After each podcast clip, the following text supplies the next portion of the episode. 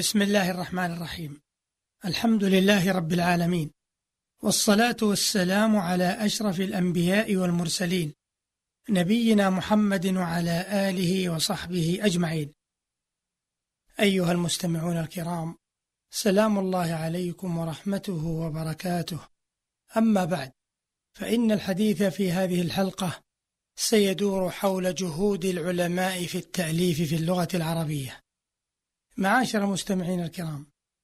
يكاد يكون القرن الثاني الهجري بداية النشاط الفعلي لجمع اللغة والتأليف فيها.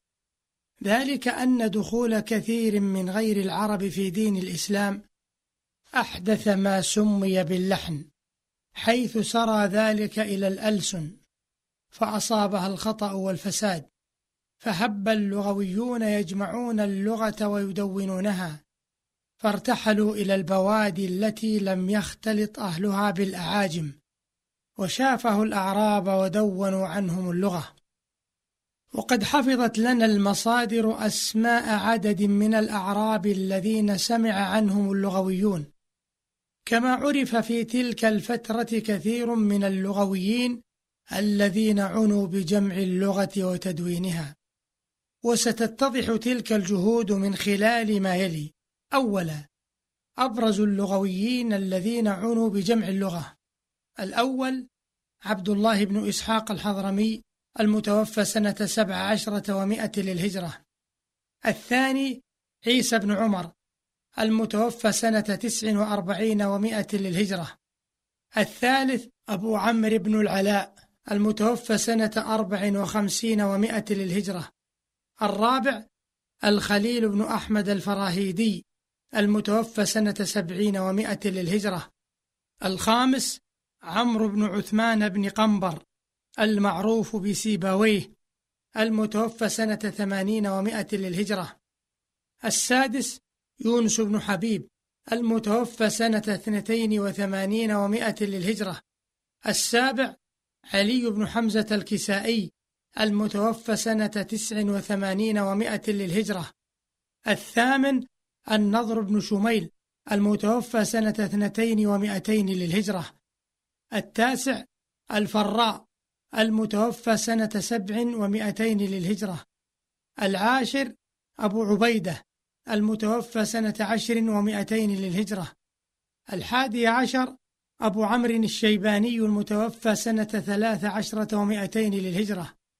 الثاني عشر عبد الملك بن قريب الأصمعي المتوفى سنة ثلاث عشرة ومائتين للهجرة.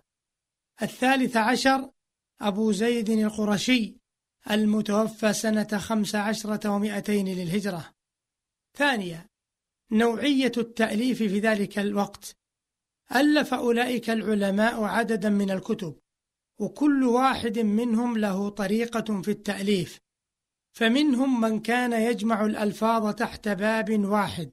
كالوحوش أو السيوف أو النخل ومنهم من يجمع في كتاب عدة أبواب ومن تلك المؤلفات ما يتناول إحدى ظواهر اللغة كالهمز أو الأضداد ومنها ما يتناول الغريب ككتب غريب القرآن أو غريب الحديث ومنها ما كان على هيئة نوادر أو أمال إلى غير ذلك من التآليف. ثانيا نماذج من تلك التآليف. من تلك التآليف التي ألفت في ذلك الوقت ما يلي الشاء والإبل والخيل وخلق الإنسان للأصمعي والنوادر والهمز والمطر لأبي زيد القرشي ومعاني القرآن والمنقوص والممدود والأيام والليالي والشهور والمذكر والمؤنث للفراء وغريب القرآن لأبي عبيد القاسم بن سلام ومعاني القرآن للأخفش ومثل ذلك كثير من الكتب والرسائل اللغوية التي وصلتنا من القرنين الثاني والثالث للهجرة. وقد كانت هذه الحركة مبنية على أساس علمي صحيح مأخوذ من سماع اللغة عن الموثوق بهم. وبعد ذلك تم تدوينها بأسلوب وصفي دقيق. وقد كانت هذه المادة هي الأساس الذي بنيت عليه علوم اللغة من نحو وصرف ومعاجم وغيرها. إذ توقفت حركة الجمع بعد ذلك واكتفى العلماء بالمادة المجموعة يضعون قواعدهم على أساسها.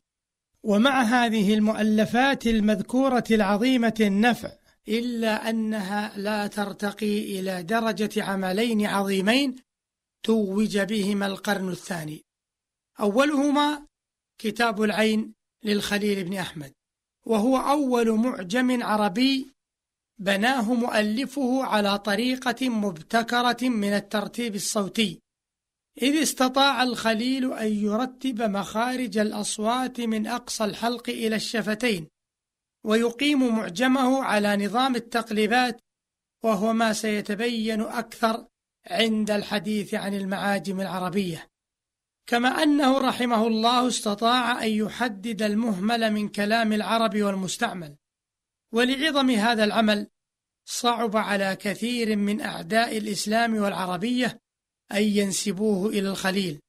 فراحوا يكيلون التهم ويدعون أن الخليل اقتبسه عن غيره من الأمم السابقة التي عرفت النظام الصوتي والمعجمي. وسيأتي الكلام على ذلك مفصلا إن شاء الله عند الحديث عن المعاجم. أما الكتاب الآخر فهو كتاب سيبويه وهو عمرو بن عثمان بن قنبر الملقب بسيبويه وكتابه يعد بحق دستور النحو العربي والذي اتخذه العلماء بعد سيبويه أساسا لمؤلفاتهم شرحا وتحليلا. وكل ما أضيف إلى النحو العربي بعد هذا الكتاب لا يقارن بالكتاب. وقد عالج سيباويه رحمه الله في كتابه القضايا النحوية والصرفية. كما تحدث عن الأصوات من حيث مخارجها وصفاتها في آخر الكتاب. كما أنه اشتمل على مسائل في التقديم والتأخير ومعاني الحروف ومحاسن العطف ونحوها. فكان عمدة علماء البلاغة من بعده فهو يعد عملا لغويا متكاملا. ولقد كان كتابه محل القبول والثناء وكان له منزلة مرموقة. ومما ذكره ابن جني في الثناء على سيبويه وعلى علمه قوله ولما كان النحويون بالعرب لاحقين وعلى سمتهم آخذين وبألفاظهم متحلين ولمعانيهم وقصودهم آمين. جاز لصاحب هذا العلم يعني سيبويه جاز لصاحب هذا العلم الذي جمع شعاعة وشرع أوضاعه ورسم أشكاله ووسم أغفاله وحلج أشطانه وبعج أحضانه وزم شوارده وأفاد نوادره أن يرى فيه نحوا مما رأوا. انتهى كلام ابن جني. وقال الزمخشري مثنيا على سيبويه ألا صلى الإله صلاة صدق على عمرو بن عثمان بن قنبر؟ فإن كتابه لم يغن عنه بنو قلم ولا أعواد منبر. هذه معاشر المستمعين الكرام نبذة موجزة عن جهود العلماء في التأليف في اللغة. تلك التآليف التي كانت كالمقدمات والإرهاصات لظهور فقه اللغة كفن مستقل. وإلى لقاء في حلقة قادمة. والسلام عليكم ورحمة الله وبركاته.